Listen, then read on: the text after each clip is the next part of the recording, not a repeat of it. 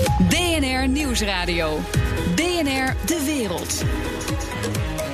Bernard Hammelburg. Welkom bij het beste binnenlandse programma over het buitenland. Straks wordt Moetie Merkel een boze toverheks. Zo dadelijk oud Duitsland-correspondent Wouter Meijer.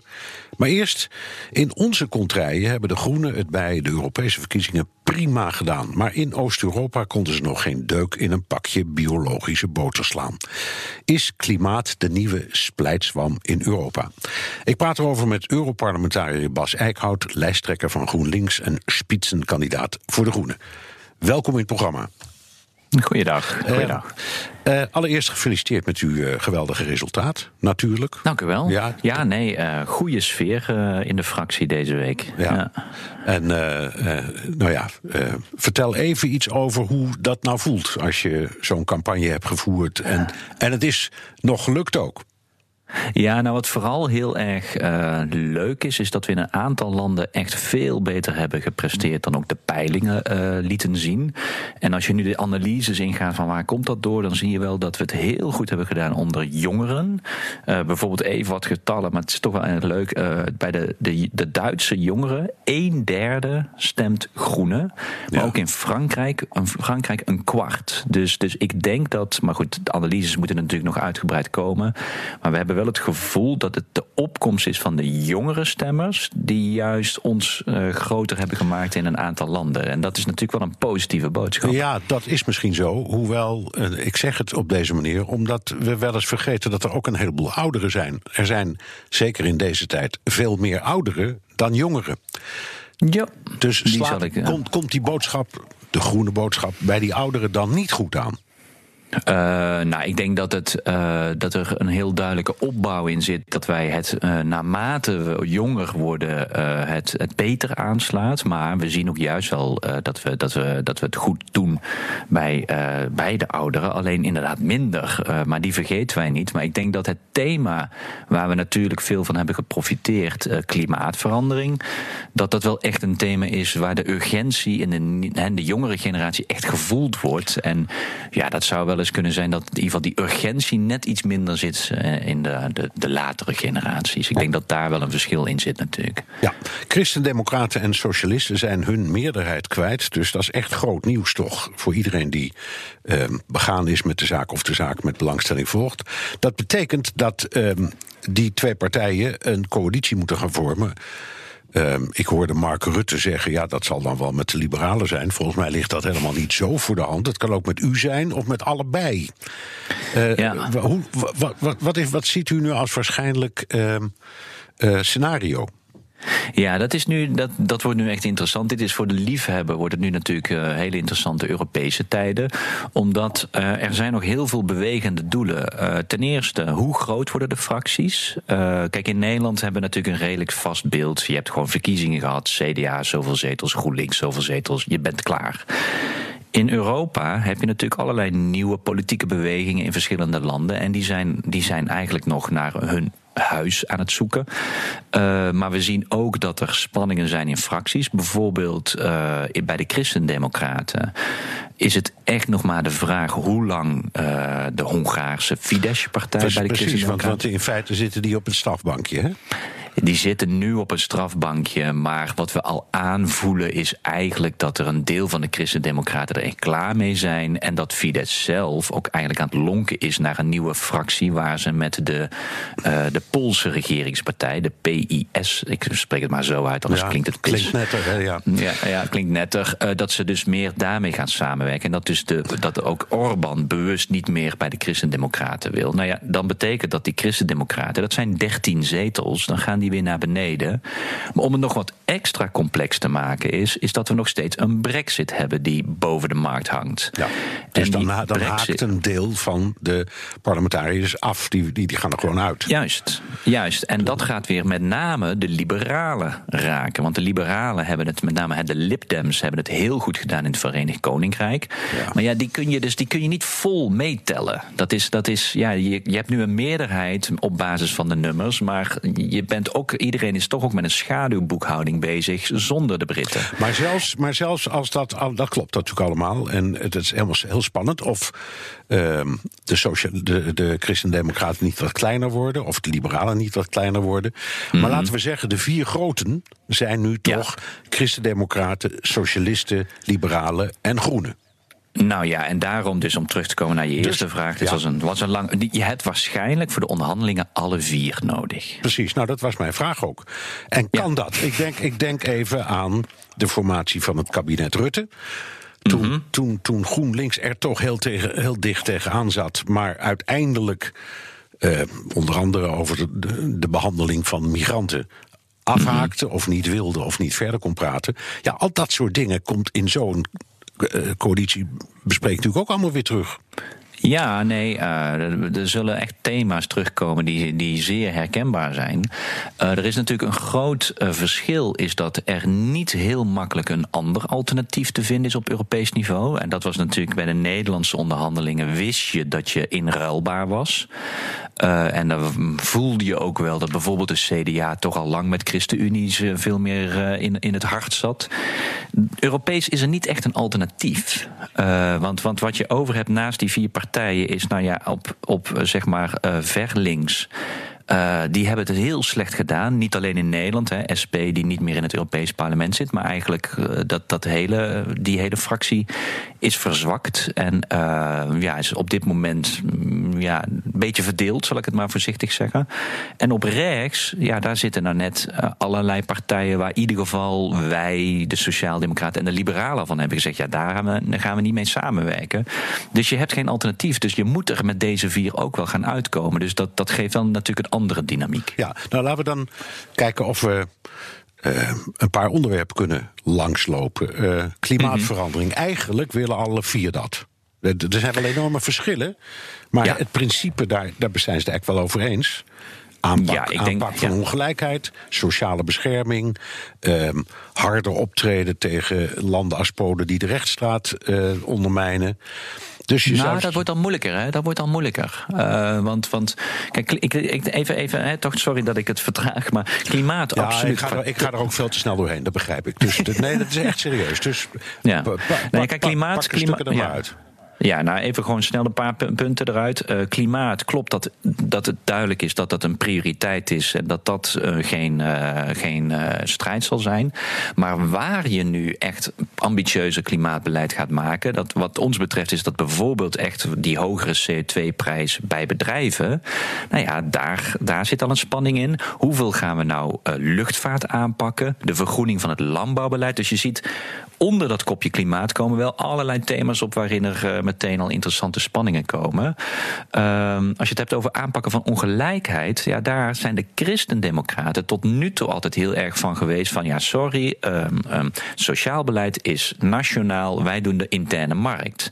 Terwijl wij natuurlijk, en dat hebben de sociaaldemocraten ook al wel in hun campagne meer gedaan, is dat je zegt van ja, juist het ontbreken van, van een sociale, eigenlijk uh, ondergrens op Europees niveau zorgt ervoor dat we tegen elkaar weggeconcurreerd worden. En de bedrijven bedrijven profiteren daar te veel van. Dus daar zit ook echt nog wel een strijdpunt.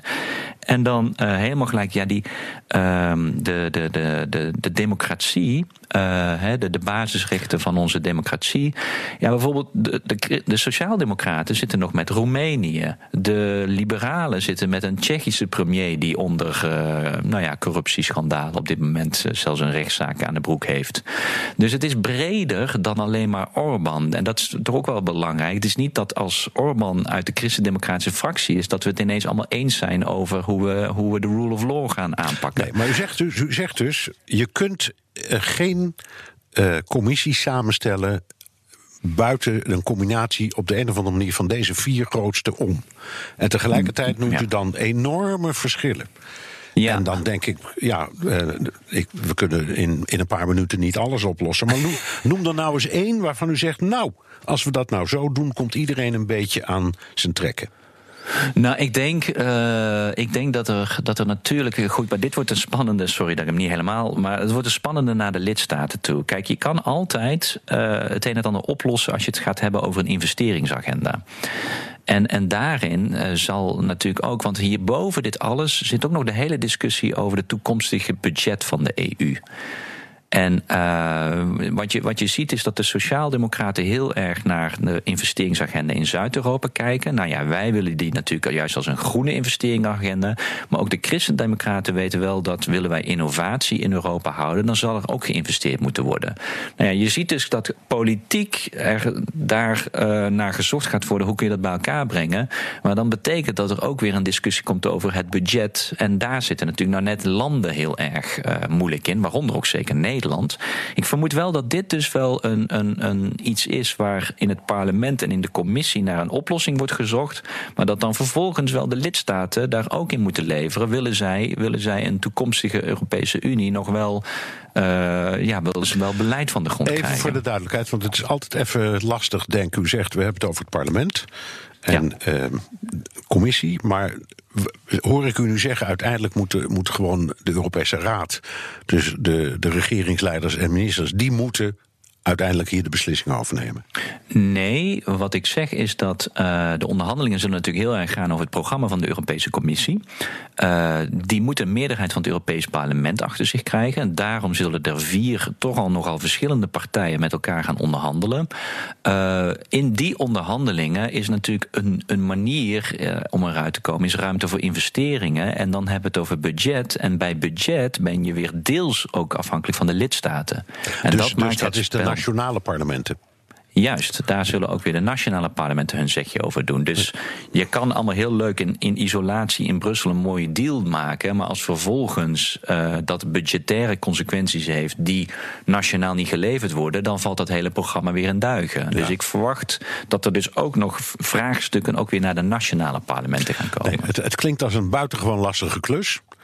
Uh, het, het, was in de oude constructie natuurlijk met die, met die grote coalitie van maar twee partijen die tientallen jaren regeerden veel makkelijker. Ja, maar dat was ook wel uh, wat ervoor zorgde dat Brussel werd gezien als een technocratisch on, onzichtbaar monstrum.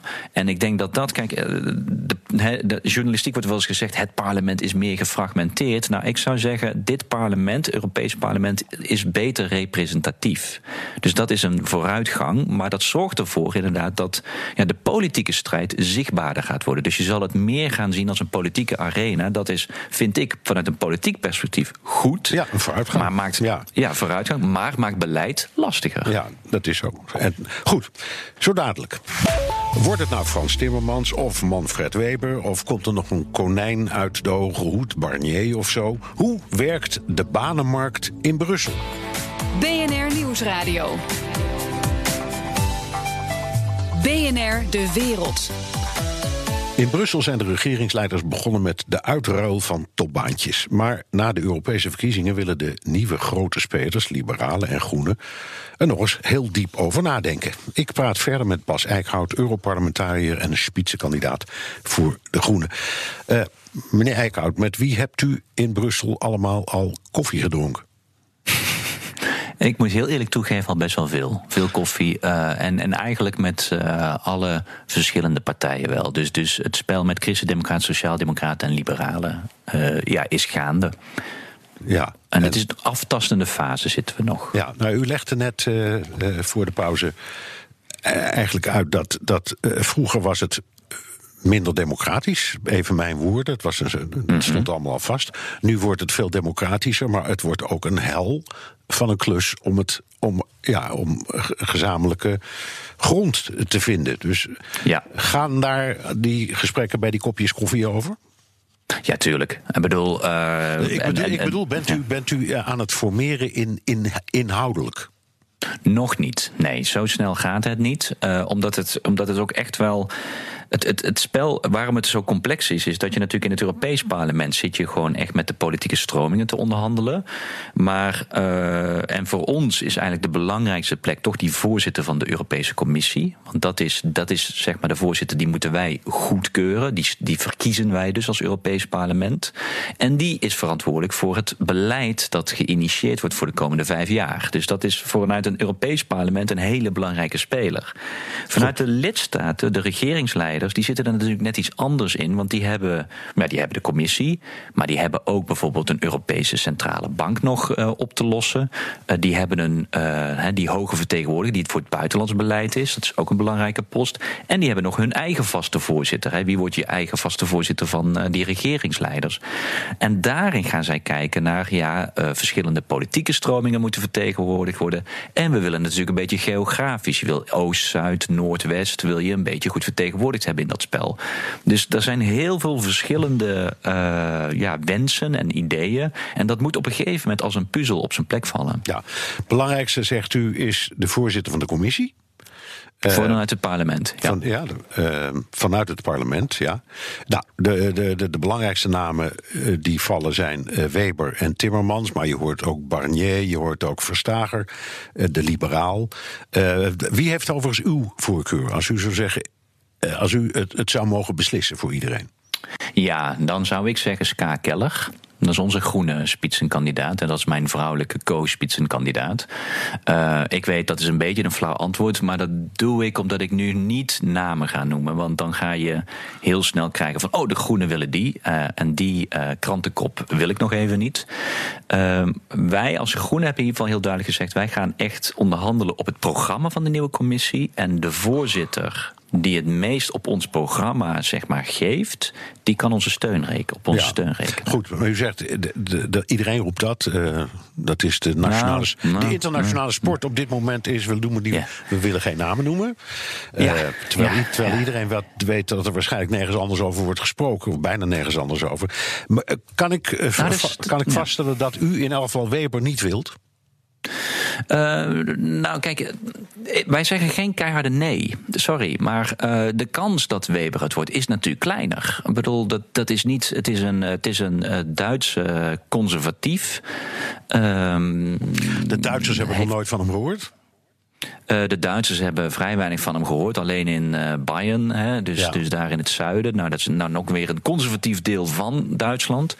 Dus ja, dat is niet een, een, een, een kandidaat waarvan wij het gevoel hebben... goh, die gaat het makkelijk bewegen. Aan de andere kant, hij is wel de grootste. Hij is wel de, hè, de leider van de grootste fractie. En wij zijn ook wel zo democratisch dat we zeggen... dat uiteindelijk hij dus, wat ons betreft... de eerste poging mag krijgen om een meerderheid te formeren. En dan vindt hij ons aan tafel en gaan we echt over die inhoud discussiëren... Maar dat hij daarin een rol speelt, is vanuit ons perspectief heel logisch. Ja, dus nee, dat begrijp ik. En. Um, nou, we moeten het toch nog even hebben over Timmermans. Want dat is de ja. grote. Ja, u zelf ook trouwens. U bent ook spitsenkandidaat. Ja. Dus ja. U, u zou ook voorzitter kunnen worden. Ja, nou kijk, wat ik. Maar dit is echt. Nu begint het al een beetje een kristallen bol te worden. Maar uh, je merkt natuurlijk. Want de lidstaten hebben hier dus ook wat in te zeggen. Want die dragen voor. En wij verkiezen dan als Europees Parlement. Dus, ja. we moeten er samen uitkomen. Je voelt al wel dat, dat de steun voor Weber beperkt is. Zowel binnen de Raad als ook wel bij het Europees Parlement. Dus de kans dat Weber het wordt is niet groot. Maar je moet je wel realiseren dat vanuit een christendemocratisch perspectief. als Weber het, hè, hun kandidaat het niet wordt. ja, denk dan niet dat de christendemocraten in katzwijn vallen bij Frans Timmermans. Nee, aan de andere kant hoorde ik vanmorgen. Um, in, uh, gisteren in een uitzending, ik geloof gewoon bij ons in onze eigen BNR-uitzending, Rutte daarover praat. Die zei net als u, ja, ik kan niet veel over namen zeggen. Maar die noemde mm -hmm. toch de naam Timmermans. Weliswaar niet direct, maar hij noemde hem. En ik dacht, dat doet hij niet voor niks. Dat doet hij niet voor niks, omdat uh, Rutte altijd de stelregel heeft gehad. Uh, als wij als Nederland een, uh, een hoge positie weten te krijgen, dan, dan kan die steun rekenen van de regering. En dat snap ik ook vanuit Rutte's perspectief. Die wil natuurlijk gewoon een aanspreekpunt hoog in de boom in de Europese Commissie. En ja, de Nederlander die de meeste kans heeft op dit moment om hoog in de boom te staan, is Frans Timmermans. Dus dat is natuurlijk voor Rutte een, een, een logisch iets dat hij die naam in ieder geval laat vallen. Misschien wel een andere partij, maar zeker geen vijand. Want het is een tijd zijn eigen minister van Buitenlandse Zaken geweest. Precies. Dus ze, ze kunnen. 10% van de VVD-kiezers dacht dat Frans Timmermans hun lijsttrekker was. Dus, ja. Uh... ja.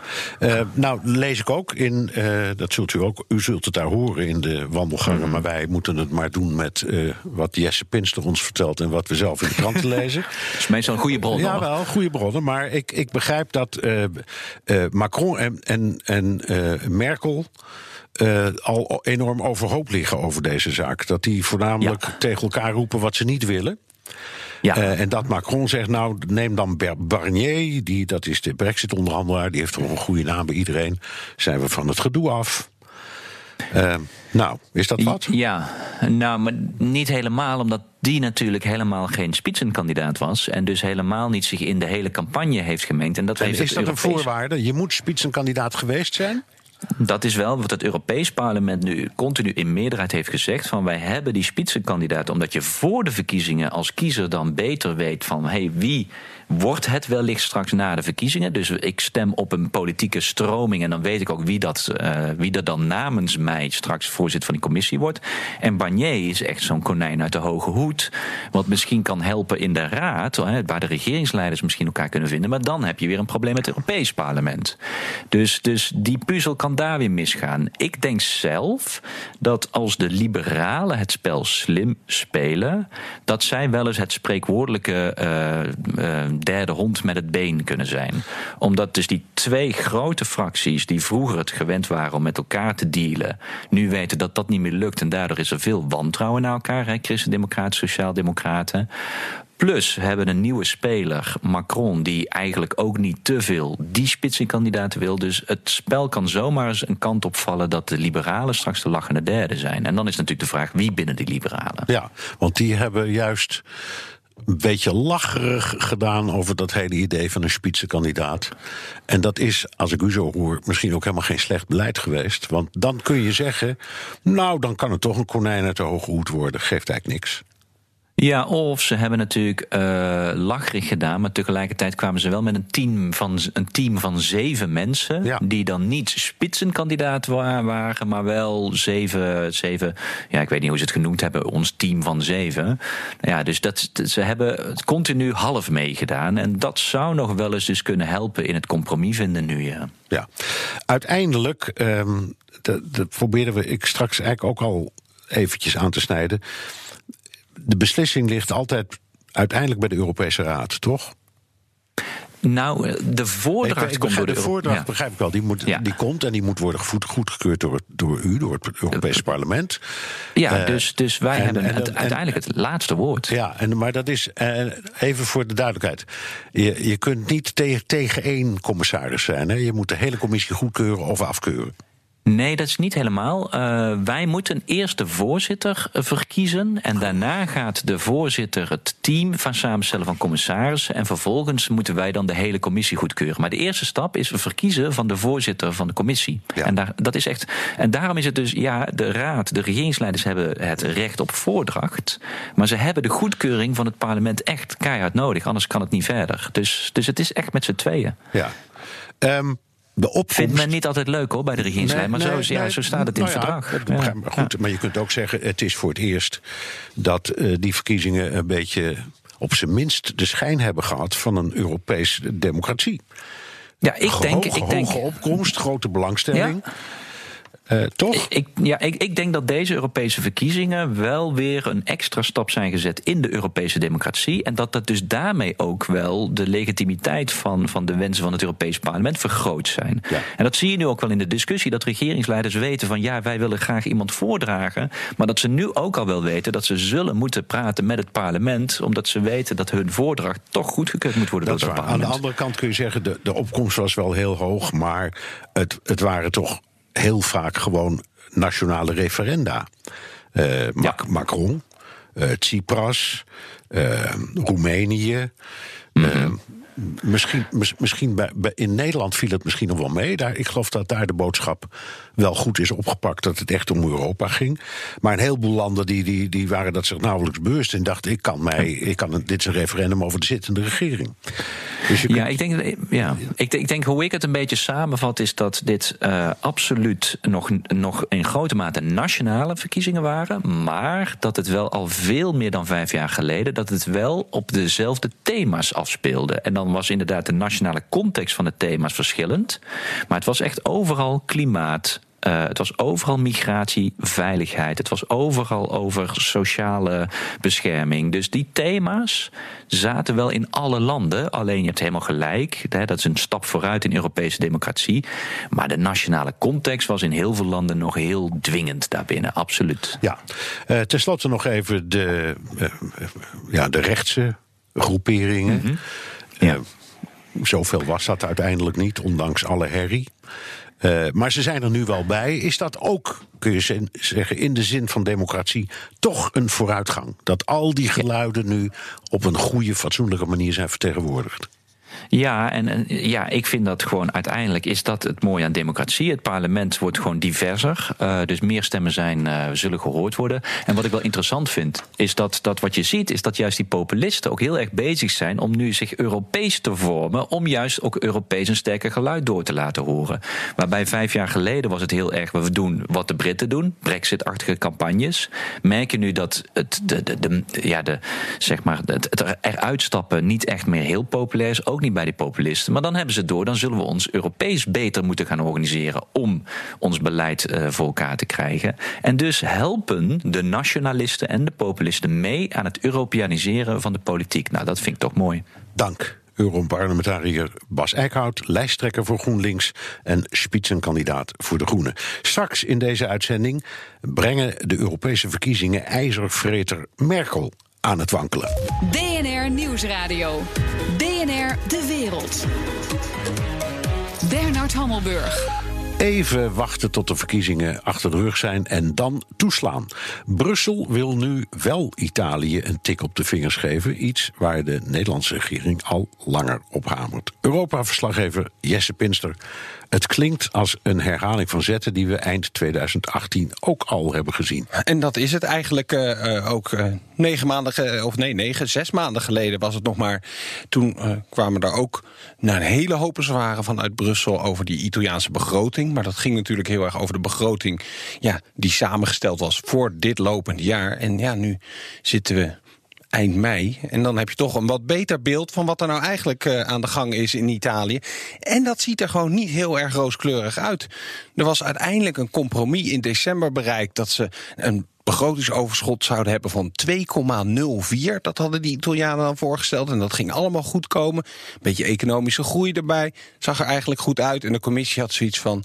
Nou ja, dat kan best zijn dat die Nederlandse minister Wopke Hoekstra daar helemaal niet mee eens is en dat niet ziet gebeuren. Maar wij keuren het voor dit moment goed. En we moeten nu toch concluderen dat Hoekstra misschien wel gelijk had. Want uh, ja, het gaat niet de goede kant om met die begrotingsoverschot. De groei valt tegen in Italië. Geldt natuurlijk eigenlijk voor de hele eurozone. Maar goed, zeker ook in Italië. En ze hebben nog steeds allemaal plannen waar ze geld aan uit willen geven. Dus ja, dan geef je meer uit. Dus ja, dat begrotingsoverschot begint op te lopen. Dat uh, streefgetal gaat het niet worden. Over een paar jaar kan het uitkomen op 3,5 procent van het BBP. Nee, dan zit je echt zwaar boven de Europese uh, grens, die eigenlijk in Europa of in Italië al lager moet liggen, omdat het daar uh, niet zo uh, goed voor staat. Dus ja, zijn we nu weer aangekomen bij de fase dat er brieven gestuurd moeten worden vanuit Brussel naar Rome. Kunnen jullie alsjeblieft eens uitleggen waar jullie eigenlijk mee bezig zijn? Ja, nou waren de Italianen vorige keer daar niet kapot van, zal ik maar zeggen. Niet zo vreselijk onder de indruk. Omdat ze zeiden. Uh, wij zijn niet van de straat, we zijn toch altijd nog een hele grote economie. En nou ja, dan zitten we er een beetje boven, dat is ook niet zo erg. Raken ze nu wel onder de indruk? Totaal niet. Matteo Salvini, de minister van Binnenlandse Zaken, waarvan je soms kan denken dat hij premier, president en minister van Financiën in één is. Want het lijkt wel alsof alles alleen maar om hem draait in de Italiaanse politiek. Die laat alleen maar weten dat de regels in Brussel veranderd moeten worden. Zo ziet hij het. En hij voelt zich natuurlijk enorm gesterkt door de Europese verkiezingen die deze week, afgelopen week, hebben plaatsgevonden. Waar zijn partij, Lega, meer dan 34 procent van de stemmen heeft gekregen. Hij zit in een regering met de Vijf Sterrenbeweging. Dat was eigenlijk de grote partij in die regering. En het is nu volledig omgedraaid. Want die vijf sterren die hebben nog niet eens de helft van het aantal stemmen gekregen van wat Lega heeft. Dus hij uh, ziet dat uh, toch als uh, heel veel steun onder de Italiaanse bevolking. Dus hij kan Brussels aan gaan pakken. En al die economische regels die moeten veranderd worden. Want ze zitten alleen maar naar cijfertjes te kijken. En ze hebben het helemaal niet over de dingen waar het echt om moet gaan volgens deze heer Salvini. En dat is dan met name bijvoorbeeld werkloosheid, jongerenwerkloosheid in Italië. Zeg maar, daar moet je van uitgaan en niet van die cijfertjes. Nee, heeft hij een punt overigens. Daar, daar, daar, nou, dat is natuurlijk volksmatig is het inderdaad een hele. Want de Fransen zijn er ook wel eens overheen gegaan. Nederland is er wel eens overheen gegaan. En dan zeiden heel veel economen: ja, het hoort eigenlijk niet. Maar dit soort dingen als werkgelegenheid, ja, dat kan wel eens een prioriteit krijgen. Ja, het punt is natuurlijk dat ze vanuit Brussel dat beleid niet willen gaan maken. Dan bemoeien ze zich met dingen die landen zelf willen doen. Dus ja, dan zoek je een andere manier om dat te doen. Dus je kijkt naar de cijfertjes en nou, zoals dat in die Maastrichtse afspraken uit begin jaren negentig is vastgelegd. En dat is dan de stok waarmee ze uh, ja, aan de haal moeten gaan. Dus uh, ja, ze hebben dus inderdaad dat proces van die brieven weer in gang gezet.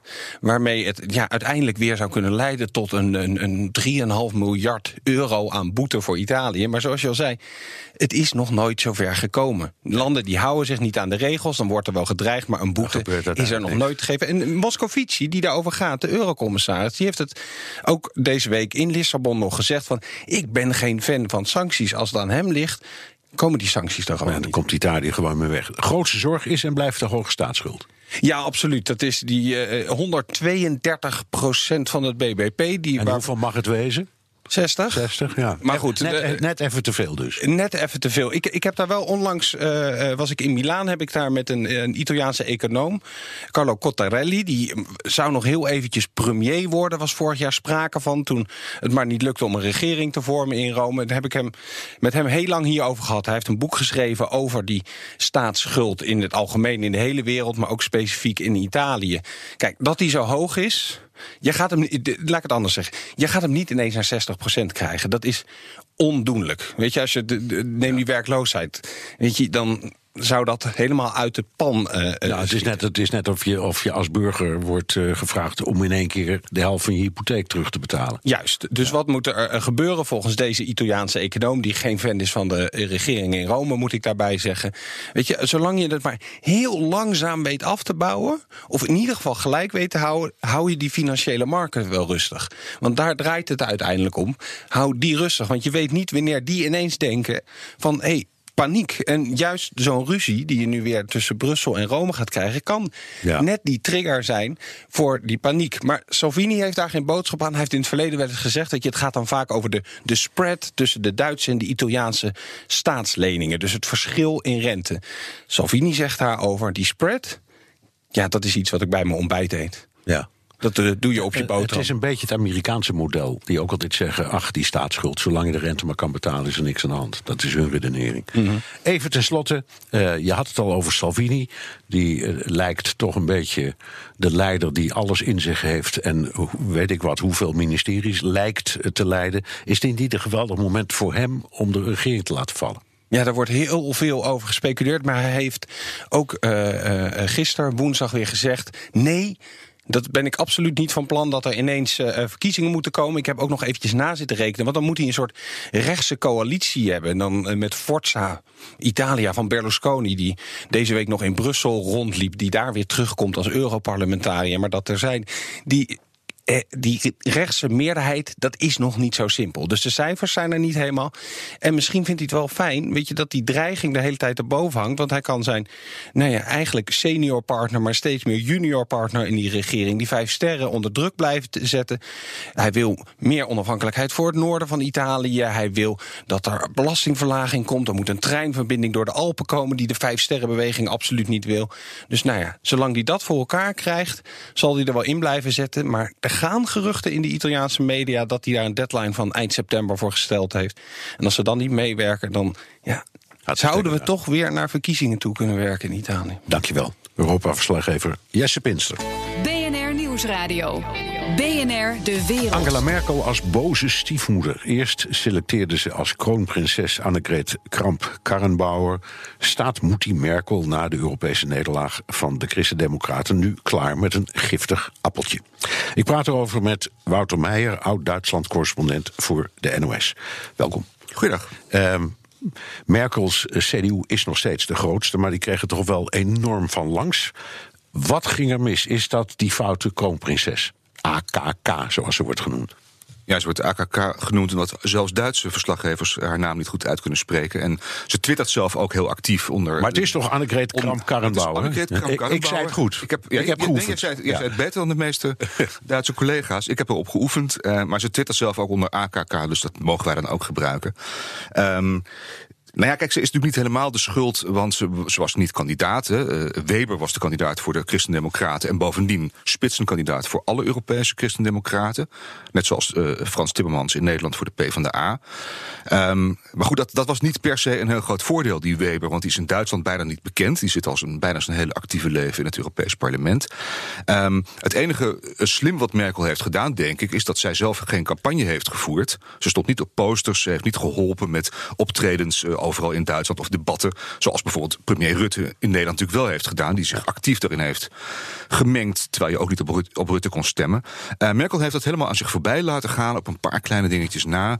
Uh, dus ze kan op die manier wel veel makkelijker haar opvolgster, die ze zelf natuurlijk een beetje heeft geselecteerd, AKK, de schuld geven. Maar die heeft nog veel meer andere fouten gemaakt, waardoor het sowieso heel moeilijk wordt om vol te houden dat zij de opvolgster moet worden. Ja, ja, ja. ja. Nou, wil, laat, leg daar iets uh, meer over uit dan. Want ik, ik riep het, uh, het uh, beeld op van de boze stiefmoeder. Staat Angela Merkel wat AKK betreft klaar met een giftig appeltje? Nou, nog niet. Gisteren was er het, het, het gerucht via een, een, een, Brits persbureau dat ze gezegd zou hebben dat ze eigenlijk nu de conclusie kan trekken dat AKK het niet kan. Ja, niet Bloomberg, Bloomberg, had het daar ja, ook al over gisteren. Dat. Ja. Uh, dat heeft ze vanochtend ontkend. Dus uh, ja, blijkbaar is dat niet zo. Of in ieder geval vindt ze niet dat dat zo geschreven moet worden. maar het, het is waarschijnlijk wel waar. Kijk, de AKK bakt er weinig van in de, in de peilingen, ook voor aanstaande deelstaatverkiezingen die er nog aankomen. Nu bij de Europese verkiezingen. Uh, heeft die partij weinig aan haar. Geef, een idee, geef een idee van populariteitsscores. Uh, uh, ja, er zijn bijvoorbeeld peilingen tegelijkertijd met de Europese verkiezingen. Vragen ze altijd nog veel meer bij, ja. bij de uitgang van het stembureau. dan is bijvoorbeeld bij de vraag aan CDU-kiezers: maakt u zich zorgen over het vertrek van Merkel? Daar is een meerderheid die zegt ja. Dus de meeste mensen in die partij die daarop stemmen zouden liever willen dat Merkel blijft.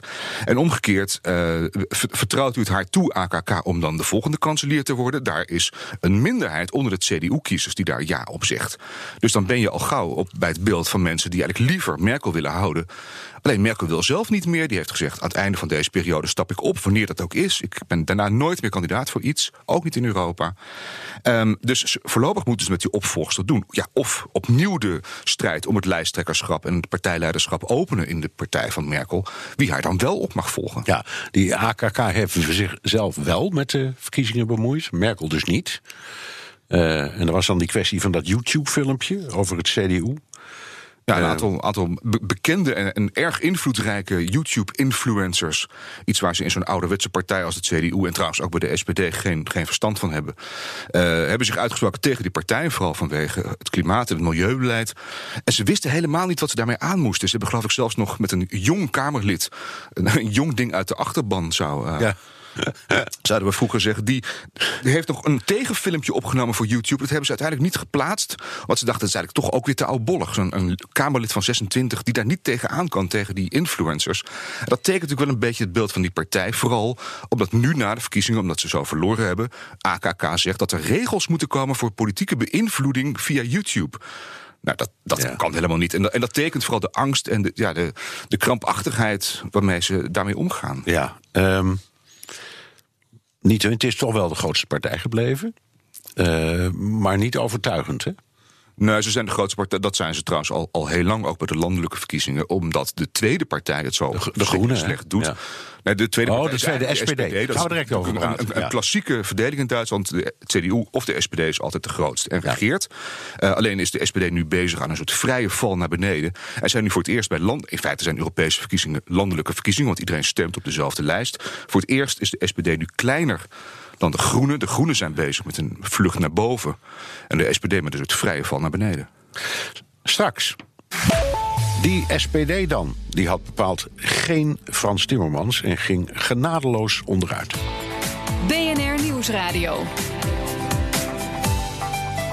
BNR De Wereld.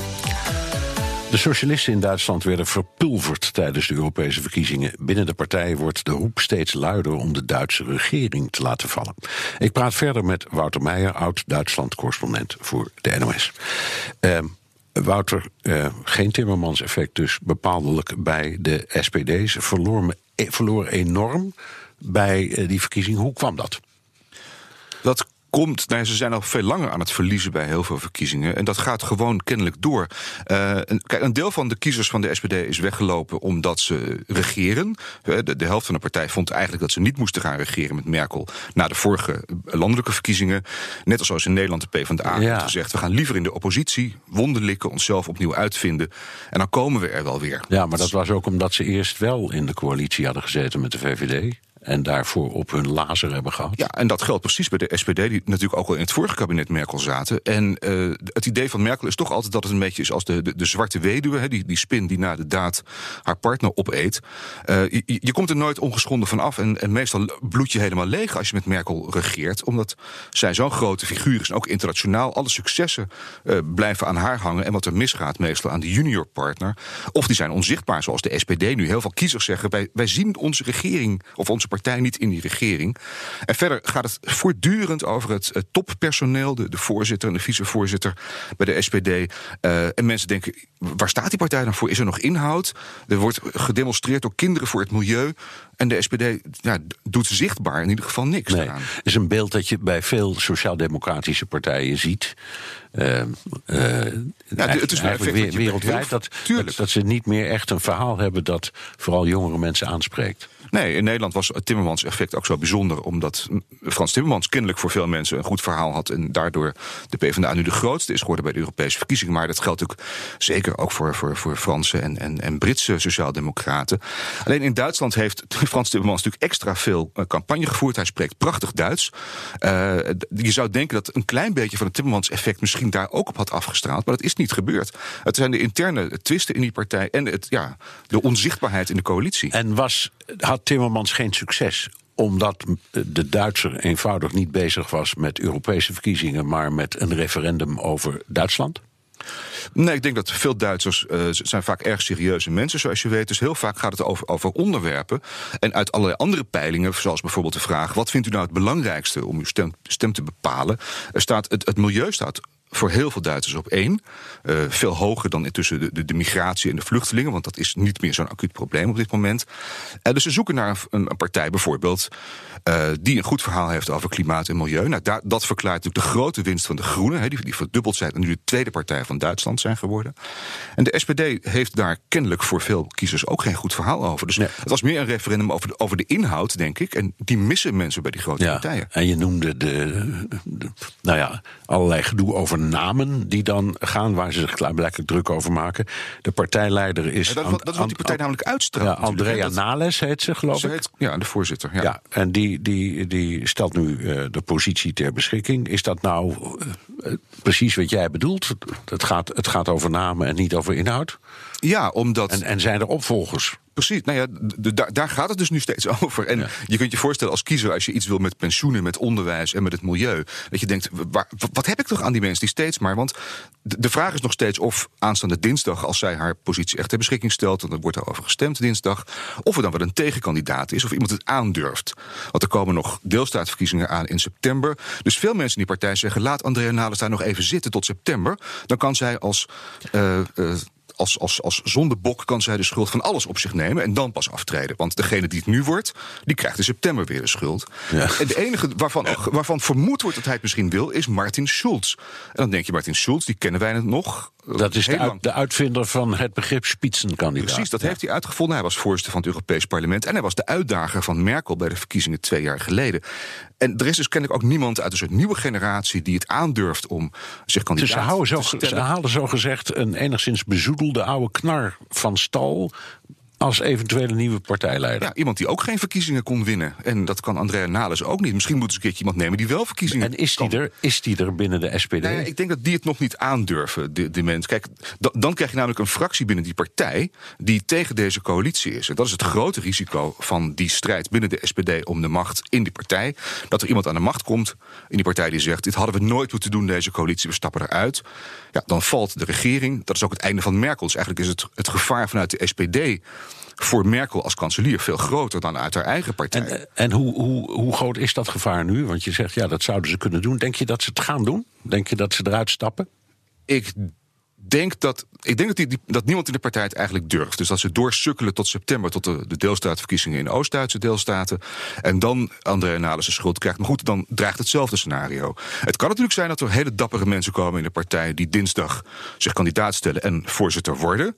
En die zeggen: ja, we stappen eruit. We moeten onze partij redden in plaats van het land. En dan is Dan die is- coalitie ten einde en dus ook de regering Merkel. Ja, want Merkel heeft gezegd: ik doe het niet nog een keer. Ik word niet nog een keer kanselier of kandidaat. Ik blijf tot het einde van deze periode. Ja, en die periode is eigenlijk eh, nog, al, nog, nog, nog 2,5 jaar, september 2021. Maar het kan ook volgende week zijn als iemand eruit stapt. Ja. Ehm, je zei, eh, de grote de zuigkracht ging uit van eh, groen. Ehm, en is dat inderdaad zo? Is nu het grootste deel van het Duitse volk, en in geval jongeren, voornamelijk geboeid door of geïnteresseerd in milieukwesties? Ja, dat, dat, dat speelt denk ik voor. Dat, dat zeggen de meeste mensen in die peilingen van wat vindt u belangrijk om uw stem te bepalen. Eh, en er zijn hele interessante peilingen over wat mensen stemmen per leeftijdsgroep. En dan zie je dat bij de jongeren, de, CDU, eh, sorry, de, de groenen bij jongeren de grootste zijn. Eh, en de andere, de grote oude partijen, zijn daar de kleinste. En de, de meeste kiezers van de SPD zijn boven de 70. Er zijn ook heel veel mensen tegenwoordig boven de 70. Maar die mensen die sterven natuurlijk uit. De grootste bedreiging voor die oude partijen zijn trouwe kiezers. Maar die dat is een vreselijk die een- verhaal. die een je, natuurlijke je zegt iets vreselijks over socialisten dus. Dat zijn, dat zijn bejaarden. Dat is een geriatrische instelling. Ja, dat, nou ja, de, de, wat, ik zei, de, grootste bedreiging voor de SPD zijn, zijn trouwe kiezers die hun leven lang vanuit de vakbond en vanuit hun werk en, en ja, die binnenkort een natuurlijke dood sterven. Eh, en daarmee die partij misschien ook veel. En als je kijkt naar jonge kiezers, die stemmen nu vooral op de groene. De- de- Een derde van de mensen die voor het eerst mocht stemmen, bijvoorbeeld heeft op de groene gestemd.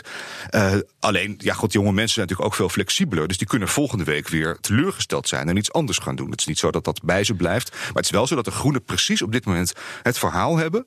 Milieu, klimaat, precies wat, wat veel mensen willen. Eh, en ja, een paar nieuwe gezichten hebben. Dus, één, dus zijn, ze hebben een enorm veld eigenlijk waaruit ze kunnen kiezen. Als er morgen verkiezingen zijn, hebben de Groenen waarschijnlijk een interessante kansel- kanselierskandidaat. En de grote partijen misschien wel niet. Nee, wie is die kanselierskandidaat? Nou, dat zou Annalena Beerbok kunnen zijn. Oh ja. Die ken je nu nog niet, maar dat, dat komt Nee, dan maar de wel. naam hebben we al wel gezien. Eh, maar dus, Ja. de- de- die was nu topkandidaat voor het Europees Parlement. Eh, Ska Keller fractieleider van de Groenen in het Europees Parlement. Ja. Dat soort mensen zijn, zijn jong en populair. Zouden zomaar nog dat succes van de Groenen verder kunnen dragen. Ja, nu nog even de alternatieven voor Duitsland. Dat viel allemaal een beetje tegen. Maar als je nou weer kijkt naar het verschil tussen het oosten en het westen van Duitsland, dan zie je dan toch wel weer, ehm, laat ik maar zeggen, eh, toch bij die alternatieven voor Duitsland aan de oostkant wat meer succes. Ja, ze zijn in, in een paar deelstaten, zoals in Sachsen eh, en in Brandenburg, zijn ze de grootste partij. Zijn ze groter dan de CDU. En daar komen binnenkort verkiezingen. Verkiezingen in september en in oktober. Dus eh, het kan heel goed zijn dat ze daar nog een enorm succes. Want dat straalt ook altijd uit, zo'n deelstaatverkiezing. Want dan heb je weer, heb je weer feest. En, en dan zie je weer hoe moeilijk de partij, de grote oude partij het ook vinden om hier een antwoord op te hebben. Het zijn eigenlijk toch de, ze hebben de, de vernieuwing komt eerder van de, van de flanken dan uit het midden. En het is moeilijk voor die grote partij om daar een antwoord op te hebben. Ehm, dus dat, ze, ze doen het nu even wat slechter in Europa, maar goed. Ligt natuurlijk ook aan de kiezers van dat soort eh, eurosceptische partijen. Dat zie je in Nederland ook. Die gewoon moeilijk naar de stembus te krijgen zijn. Omdat ze eigenlijk niks met Europa hebben. Maar met hun eigen deelstaat hebben ze wel wat. Dus dat wordt heel spannend in. Dus het is een foute, een naïeve conclusie om te zeggen: de, A- de AFD eh, eh, doet het slecht op het ogenblik. Je zegt die doen het alleen slecht in Europees verband, maar vlak ze niet uit. Nee, ze doen het heel slecht in, in Europees verband. En natuurlijk ook, ook in, in West-Duitsland, wat veel groter is dan Oost-Duitsland. Maar ze hebben als, als regionale partij in het oosten, wat toch één op de vier Duitsers woont, hebben ze wel degelijk een, een, een grote invloed. Hoe En komt dat? een- Want daar hebben we wel eens eerder over gesproken, jij en ik. Maar hoe kan het dat na decennia Oost-Duitsland nog altijd Oost-Duitsland is? Waar klaarblijkelijk de omstandigheden slechter zijn. Eh, en de, de aantrekkelijkheid van populisme groter. Allerlei dingen waarvan je denkt: hoe kan dat? Het is toch één land? Nou ja, het is één land, maar het is wel een land met een enorme helling. En die helling die gaat van oost naar west. Eh, Heel veel mensen zijn weggegaan. De, de ontvolking, met name op het platteland in Oost-Duitsland, is enorm. Dus de mensen die daar achterblijven, voelen zich vaak als verliezers. Want hun klasgenoten de afgelopen 30 jaar, nu na de val van de muur, heb je natuurlijk al een half leven achter je. Maar hun klasgenoten zijn, als ze succes hadden, zijn ze meestal naar het westen verhuisd. Of naar succesvolle grote steden. Steden als Leipzig, die doen het heel goed. Daar zijn de Groenen de grootste partij geworden. Ligt ook in Saxe. Het is de enige gemeente in of de enige kruis in Saxe waar de Groenen de grootste zijn. De rest stemt op de AFD. Dat zijn vaak mensen op het platteland die, die over zijn gebleven, zich niet serieus genomen voelen. En je zag ook in de, in de, de, de, verslaggeving over de Europese verkiezingen nu weer afgelopen zondag dat het altijd meer over het Westen ging. De, de toppolitici zijn mensen uit het Westen. Er is bijna niemand uit het Oosten ergens in die politiek, behalve de mensen van de AFD die bijna als een soort regionale partij nu in het oosten werken, ook als de stem van de ja, van de teleurgestelde mensen. het blijft een raadsel dat zo'n rijk land met uh, in dat oosten, dan praat je over 16 tot 20 miljoen mensen op die totale bevolking er niet in is geslaagd om dat gebied te ontwikkelen, om het zo maar te zeggen. Ja en nee. Kijk, ze hebben het, economisch wel ontwikkeld. En bepaalde regio's profiteren daarvan. Maar het is, het is de mensen in het oosten. Kijk, je kan ook niet zeggen dat dat, dat land daar de, de verantwoordelijkheid voor draagt. Het is de mensen in het oosten vaak ook niet gelukt om hun eigen gemeente of hun eigen stad of hun eigen dorp te ontwikkelen. Want als je succes wil, dan ga je naar het westen. En, en als je geen goede opleiding hebt, of je bent oud of arm, ja, dan blijf je daar. En dat zijn natuurlijk vaak dan de mensen die niet teleurgesteld zijn en niet de bloeiende landschappen hebben gekregen die Helmoet Kool ze ooit heeft beloofd. Nee. Het blijft een onvoorstelbaar spannend land, ons buurland. Dankjewel, Wouter Beijer uit Oud-Duitsland correspondent. En tot zover BNR De Wereld. Terugluisteren kan via de site, de app, iTunes of Spotify. Tot volgende week.